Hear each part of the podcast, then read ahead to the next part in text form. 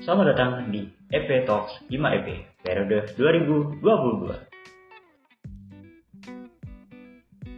Oke, selamat siang teman-teman pendengar EP Talk kalian. Kembali lagi di sesi podcast bareng Sosiotalk yang kedua. Di sini aku, Sadida, dari perwakilan Divisi Sosmal, Sosial Masyarakat dan Lingkungan dari Himpunan Mahasiswa Ekonomi Pembangunan 2022. Di sini, di episode Talk kali ini, aku mengangkat tema lingkungan yang bertepatan dengan Hari Lingkungan Hidup Sedunia kemarin tanggal 5 Juni dengan judul Urgensi Energi Terbarukan di tengah ancaman pemanasan global. Aku nggak sendirian di sini, aku bareng sama Kak Derus dari saling.id. Selamat siang Kak Derus. Selamat siang Kak Sadida, halo. Kabarnya baik-baik aja Kak? Baik banget. Baik banget, walaupun di Surabaya panas ya. iya, Surabaya selalu panas, Kak. Kabarnya Kak Dirus, di mana nih lagian? Aku lagi di Sukabumi dan sini lagi hujan banget. Oh, hujan deras, Kak. Oh, Oke. Okay.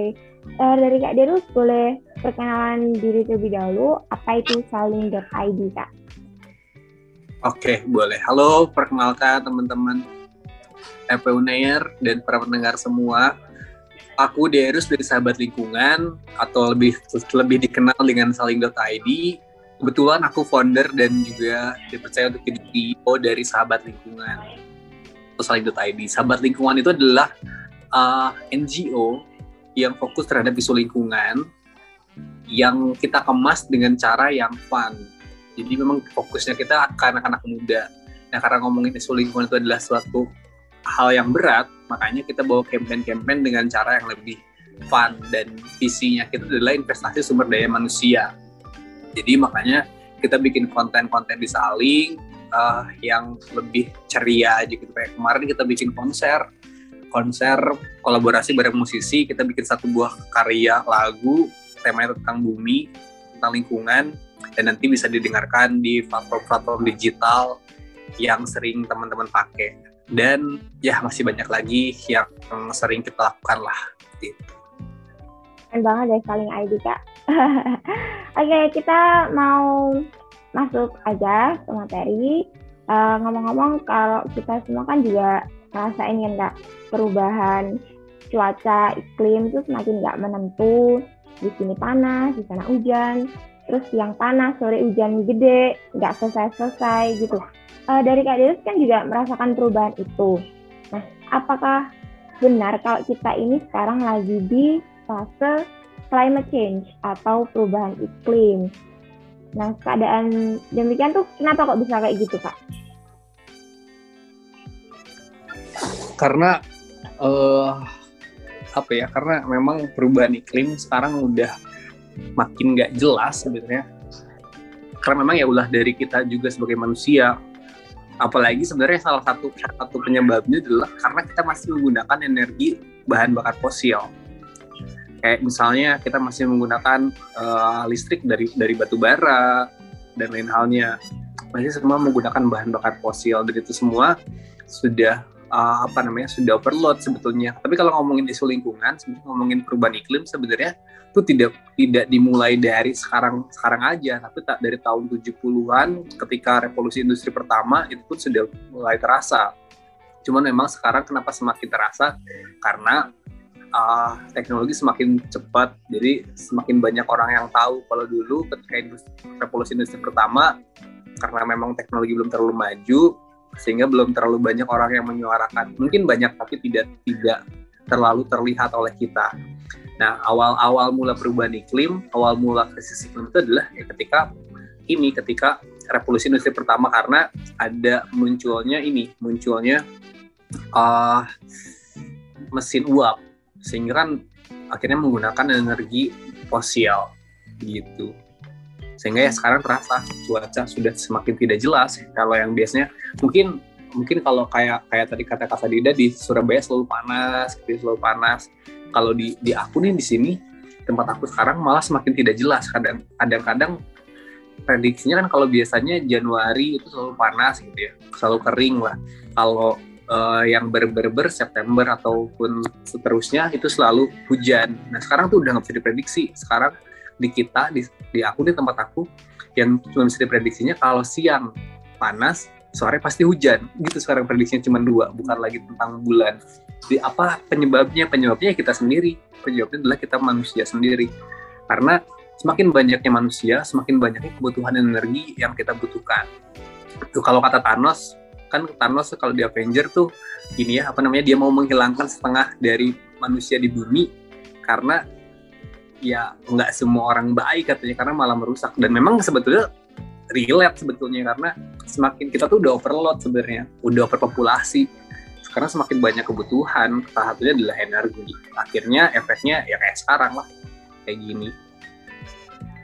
Oke, baik. Uh, ngomong-ngomong soal energi, karena energi jadi kayak uh, salah satu faktor yang menyebabkan perubahan suhu di bumi gitu ya, Kak. Nah, berarti apakah kalau memang penggunaan energi baru terbarukan ini uh, bisa jadi salah satu solusi karena mengingat penggunaan energi yang disalahgunakan oleh warga sekitar, oleh masyarakat luas gitu ya. Uh, energi baru terbarukan itu memang salah satu jadi alternatif solusi sebetulnya. Kayak misalnya kita ngomongin uh, solar panel, banyak banget orang yang bilang solar solar panel adalah salah satu solusi untuk uh, apa namanya energi alternatif. Karena energinya relatif murah. Karena apa namanya? Karena ya itu semua dari matahari. Semua sudah disediakan oleh alam. Dan memang dari dulu pun juga energi matahari ini sudah digunakan oleh masyarakat. Kayak misalnya kita ngeringin baju pakai energi matahari.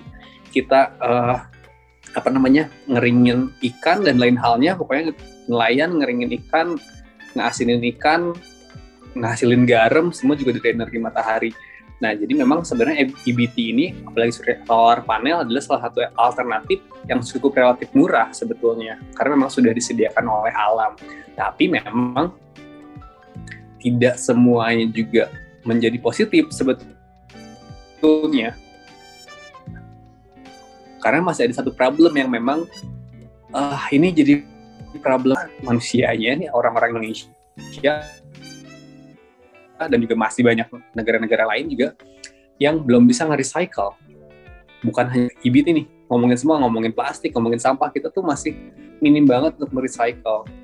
Nah, ternyata si apa namanya solar panel ini pun juga ada dampak negatifnya. Dampak negatifnya adalah ternyata ketika dia sudah rusak, maka karena tadi kita karena kita manusia ini malas banget buat nge-recycle sehingga sampah dari dari solar panel ini akan dibuang. Dan juga banyak beberapa eh, hal-hal uh, negatif lain dari solar panel. Kayak misalnya yang seharusnya cahaya matahari ini masuk ke, ke tanah. Tapi kan akhirnya terpantul kembali karena uh, apa namanya harus terpantul kembali karena ke solar panel. Dan itu pun juga bisa mengganggu ekosistem. Kayak misalnya mengganggu uh, burung mengganggu uh, serangga yang yang terbang karena cahayanya dari solar panel. Terus si solar panel ini juga apa namanya cukup uh, kalau tidak di, di, di treatment dengan baik akan juga merusak lingkungan sebetulnya karena membutuhkan air yang yang semakin banyak karena dia tuh harus dibersihin tuh pakai air jadi air di tanah tuh akan semakin semakin banyak. Nah, cuman problemnya memang uh, problem ini pun juga bisa bisa terselesaikan kalau kita semua sebenarnya sudah bisa mau merecycle. Nah, kayak kayak tadi tuh karena salah satu penyebabnya kalau satu sepuluh tahun, 10 tahun si solar panel itu pasti akan rusak. 10 tahun pemakaian pasti akan rusak. Nah, kalau kita masih tidak mau merecycle, akhirnya akan sama-sama saja seperti sama sama akan jadi nyampah, sama juga akan uh, merusak lingkungan gitu tapi memang ini adalah jadi salah satu solusi karena energinya cukup cukup banyak bisa ditemukan oleh kita semua di mana pun dan pemasangannya juga sangat mudah bisa dipasang di atap rumah di mana pun tidak se, tidak sesulit energi uh, fosil yang sekarang kita pakai. Oke, jadi kurang lebih memang faktor pemicu dari perubahan iklim ini sendiri pastinya dari kita masyarakat ini juga ya kak. Iya betul. Tidak ada faktor lain pemicunya selain kita gitu pak? faktor lainnya itu adalah tidak ada. Karena semuanya semuanya memang dari manusia. Salah satu penyumbang penyumbang efek rumah kaca adalah 25% adalah gas metana. Gas metana ini dihasilkan dari kebanyakan memang dari kotoran. Kotoran manusia pun juga menghasilkan metana. Tapi yang paling banyak memang metana ini dihasilkan dari kotoran uh, sapi. Nah, tapi kan sapi ini pun juga semakin banyak gas metananya karena demand-nya, permintaan kita sebagai manusia untuk memakan daging sapi ataupun keperluan kita dengan sapi ini pun juga cukup banyak. Sehingga tadi karena kita sudah overpopulasi di bumi ini, akhirnya tadi makin banyak gas metana, makin banyak lahan-lahan yang harus kita tebang untuk kehidupan kita, untuk bangun rumah dan lain halnya. Itu semua karena manusia, kalau manusianya tidak banyak, manusianya sadar, ya nggak akan karena hewan nggak mungkin dia mau nebang pohon hewan dia nggak butuh energi yang harus pakai energi bahan bakar fosil kita doang kita manusia doang yang memang butuh itu semua oke okay. oke okay. menurut pandangannya kak Deru sendiri apakah di negara kita di Indonesia kita udah menerapkan upaya supaya warga masyarakat ini beralih ke energi baru terbarukan nggak? Uh, uh, setauku beberapa beberapa perusahaan memang sudah me, apa namanya sudah mulai membuat energi-energi terbarukan. Banyak perusahaan yang memang beralih ke energi listrik. Sekarang juga banyak kendaraan-kendaraan yang memang sudah menggunakan energi listrik. Cuma tadi masalahnya tapi belum ada uh, eh, PLTS atau pembangkit listrik tenaga surya lah gitu di sini masih semuanya menggunakan energi bahan bakar fosil. Jadi walaupun misalnya kita masih sudah menggunakan mobil listrik, sudah menggunakan motor listrik, sudah menggunakan skuter listrik, tapi kalau sumber listriknya masih dari energi fosil itu ya masih sama-sama saja karena akhirnya permintaan energinya semakin banyak. Tapi untuk arahnya ke sana sudah ada arahnya di di negara kita gitu, sudah mulai menuju ke arah sana. Salah satu contohnya Pertamina, kalau nggak salah Pertamina mulai mengembangkan hydrogen blue. Hydrogen blue itu adalah dari air, energi yang dihasilkan dari air dan itu lebih ramah lingkungan. Yang kita tahu kan sekarang energi fosil itu kalau kalau ngomongin hydrogen ada ada coklat, ada hitam, ada biru dan ada hijau. Nah, yang kita pakai sekarang adalah hydrogen hitam yang tidak ramah lingkungan. Nah, si Pertamina sedang membuat uh, apa namanya? membuat riset atau membuat produk untuk hydrogen blue yang lebih ramah lingkungan. Nah, sudah ada arahnya ke sana. Terus ada perusahaan-perusahaan juga perusahaan lokal kayak Badan Energi yang memang fokusnya ke energi listrik. Sudah mulai ke arah sana. Cuman tadi balik lagi, balik lagi karena memang uh, secara kalau hitung-hitungan hitung-hitungan bisnis, hitung-hitungan cost, memang energi listrik ini lebih lebih murah sebetulnya. Tapi biaya yang dikeluarkannya harus di awal semakin besar. Jadi karena masyarakat kita juga belum banyak masih di bawah sejahteranya banyak banget. Jadi ya akan cukup lama sekali tapi tadi balik lagi kalau untuk arahnya ke sana sudah ada arahnya untuk mereka untuk negara kita mulai merubah pola uh, energi baru terbarukan walaupun tidak diakselerasi ya walaupun pelan-pelan gitu. Gitu Pak Lida. Oke, keren banget Kak Derus. uh, Oke, nah berarti dari selain dari pihak pemerintah sendiri, pastinya kita juga harus dong mengupayakan karena karena seperti yang Kak Derus bilang tadi, kita masih berada di bawah standar kesejahteraan dan lain sebagainya. Jadi dari kita sendiri warga masyarakat ini apa nih yang harus kita lakuin? Sembari kita juga menunggu uh, pemerintah ini bergerak, menggerakkan kita. Oke, yang harus kita yang harus kita lakukan sebagai masyarakat adalah hemat energi sebetulnya. Karena nggak ada nggak ada cara lain selain hemat energi. Mau tidak mau itu sudah sudah harus wajib banget itu untuk hemat energi karena kalau harus nunggu semua merubah ke pola energi baru terbarukan itu akan cukup sangat lama sekali. Jadi yang paling bisa kita lakukan adalah hemat energi kayak sekarang misalnya. Sekarang kan banyak banget uh, apa namanya kita kalau gadget kita banyak banget sekarang. Apalagi kayak misalnya kalau di teman-teman mahasiswa di kosannya yang pakai AC misalnya yang sultan banget ke teman-teman yang ngekosnya. Biasanya kita di kamar siang-siang uh, lampu nyala, handphone sambil dicas, laptop sambil nonton tapi sambil dicas juga sambil streaming drakor atau apalah gitu atau nonton series Stranger Things. Ya. itu sambil dicas semua. Nah, yang paling mudah adalah karena mungkin kalau kita harus merubah pakai energi solar itu terlalu cukup mahal, karena kosnya tadi kos produksinya jadi besar di awal jadi yang paling mudah adalah mulai untuk uh, apa namanya sadar kalau yang kita lakukan itu tidak tidak benar. Jadi mulai irit sama listrik irit sama energi. Kalau handphone sudah penuh ya udah cabut. Kalau misalnya kira-kira siang hari itu terlihat di kamar gitu ya eh, nggak uh, gelap ya udah jangan pakai lampu gitu. Kalau memang sekiranya di Surabaya ini nggak panas nggak usah pakai AC gitu misalnya ya udah gitu. Kalau misalnya pakai AC ya udah lampu matiin gitu.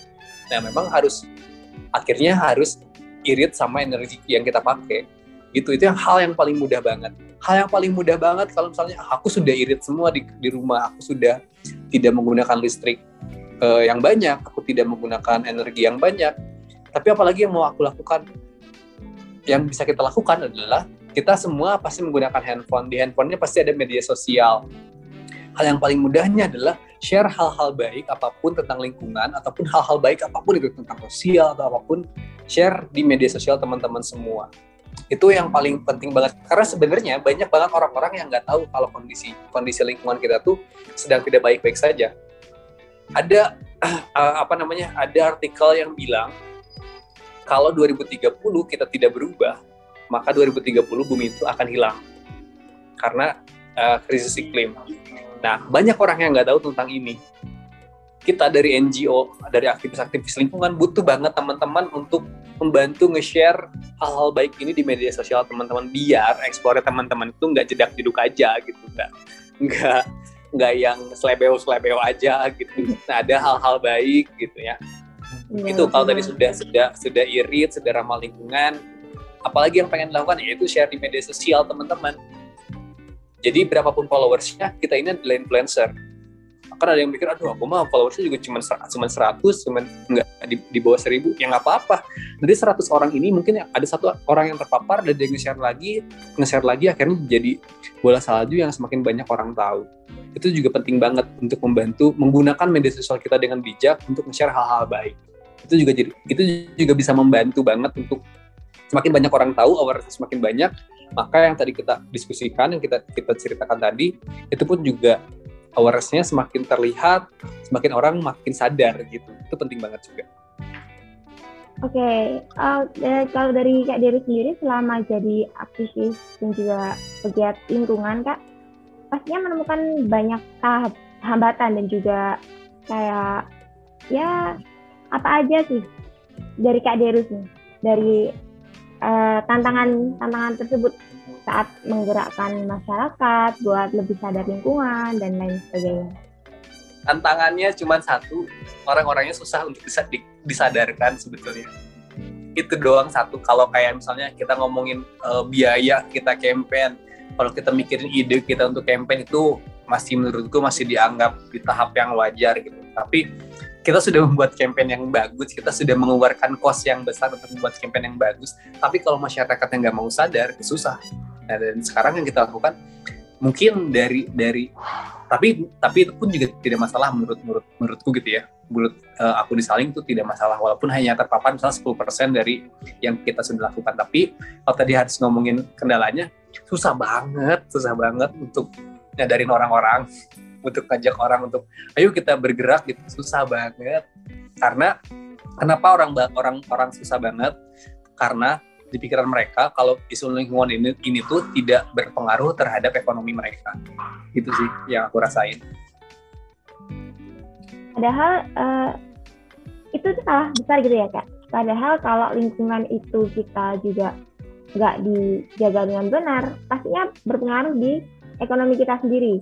Yes, betul. Cuman memang efeknya tidak tidak short term, efeknya adalah long term gitu. Orang-orang kan kalau di kita tuh nggak nggak pengen yang pengennya yang instan gitu, nggak nggak tidak mau yang proses yang lama, yang anak ini anak unu gitu. pengen yang instan aja karena tidak terasa instan efeknya sehingga ya udah gitu.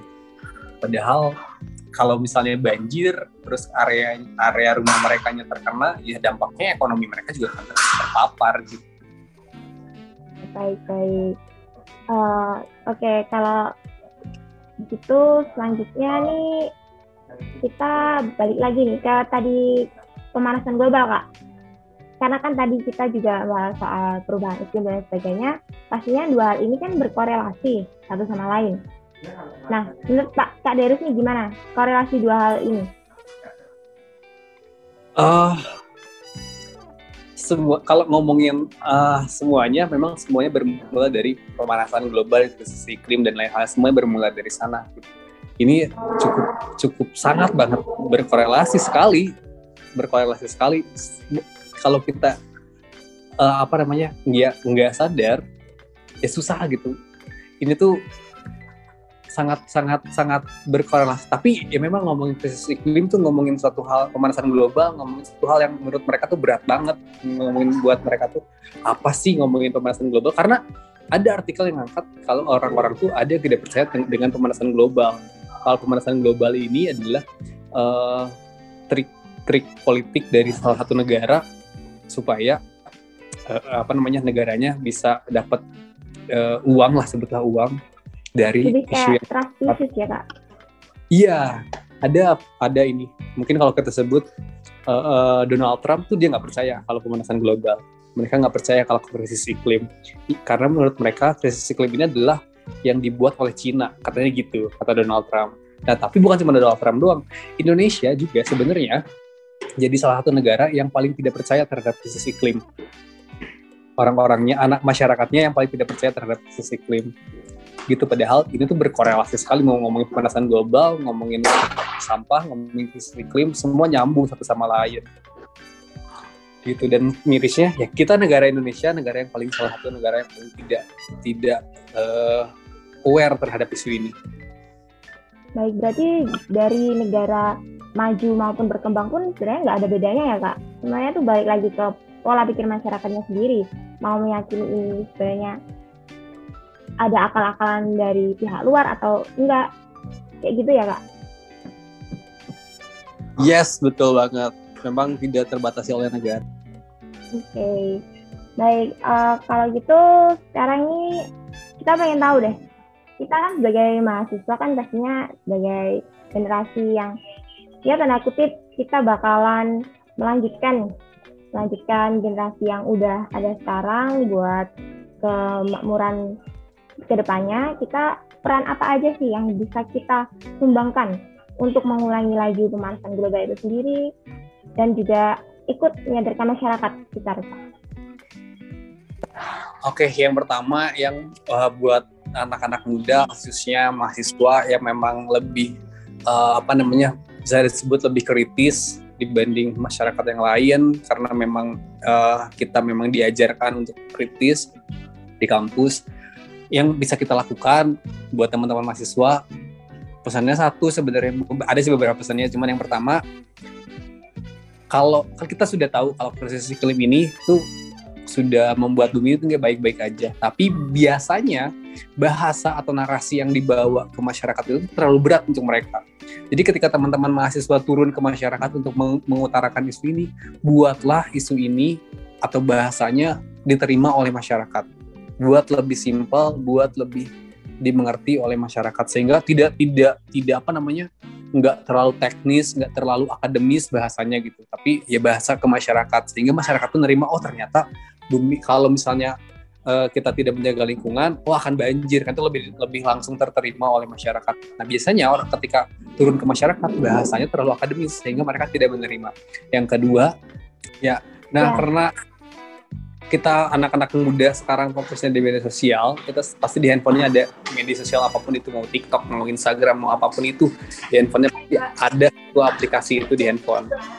Itu karena kan kalau kita mau menjatuh ah mau menjatuhkan mau menjatuhkan penguasa pengusaha sekarang itu bisa dilakukan di media sosial. Jadi hal-hal baik pun juga bisa dilakukan di media sosial. Seperti tadi sudah sudah disebutkan ya, teman-teman bisa membantu men-share hal-hal baik atau membuat konten-konten yang baik untuk di-share di media sosial teman-teman semua.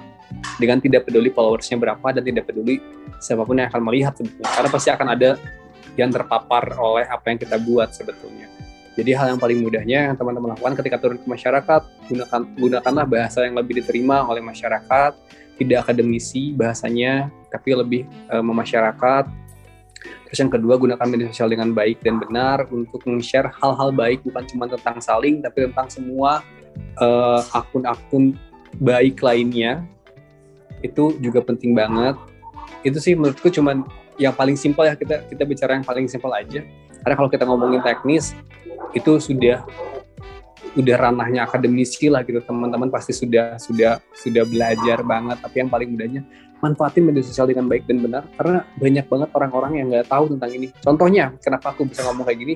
Ketika aku ngisi di uh, Universitas Indonesia aku ngomongin tentang diundang untuk ngomongin krisis air bersih di Jakarta. Sejujurnya aku nggak tahu krisis air bersih di Jakarta kayak gimana. Aku pun anak muda tuh gak tahu. Anak muda yang memang udah fokus ke, lingkungan aku nggak tahu kalau Jakarta sudah uh, krisis air bersih. Karena aku diundang ke sana akhirnya aku mencari tahu dan ternyata oh iya. Nah artinya orang yang sudah uh, fokus ke lingkungan pun juga banyak uh, isu-isu yang nggak tahu gitu. Nah apalagi orang-orang yang tidak tidak aware atau tidak fokus ke isu lingkungan mereka pun juga pasti nggak tahu banget. Apalagi hal yang sebenarnya krisis iklim. Makanya itu harus banget teman-teman share di media sosial bantu uh, bantu kami bantu NGO-NGO yang lain untuk share hal-hal baik yang ada di media sosial. Itu penting banget untuk menambah awareness. Itu yang paling simpel banget okay. nah ini gak terasa banget nih kak kita udah berada di penghujung sesi podcast kita kali ini uh, sebelum aku tutup nih dari Kak Derus ada nggak pesan-pesan yang mau disampaikan buat pendengar EP Talk kali ini. Oke. Okay. Pesannya ini sering banget aku uh, ceritakan atau aku uh, sampaikan ketika aku ngisi webinar ataupun uh, podcast. Pesannya adalah kita tidak pernah bisa mengembalikan bumi ini seperti semula lagi. Tapi kita bisa menjaga bumi ini nggak lebih hancur daripada hari ini. Karena kita meminjam bumi ini dari anak cucu kita. Dan satu hal yang paling penting, bukan bumi yang butuh kita, tapi kita yang butuh bumi. Kalau kita memang butuh bumi, kita harus sadar dan harus bergerak gitu.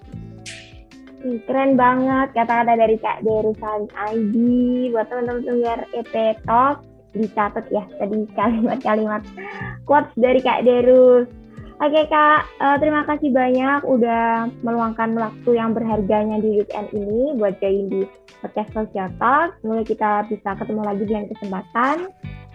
Terima kasih buat Kak Deru sebelumnya sebelum kita berpisah nih kak mau kita sesi dokumentasi dulu kali ya kak Oke, boleh Kak Sadi. Dan juga aku juga mau bilang terima kasih buat teman-teman semua sudah mau mengundang uh, aku dari saling.id. Juga salam buat teman-teman EP semua. Oke, terima kasih banyak Kak Deru, Saling ID. Uh, buat teman-teman pendengar EP Talk sekalian, kalau mau info lebih lanjut soal podcast ini bisa pantengin di Instagram Hima EP Uner dan juga sosmal.pp. Oke Kak Derus, aku tutup podcast sesi kali ini. Terima kasih banyak dan sampai jumpa di lain kesempatan. Oke, bye-bye.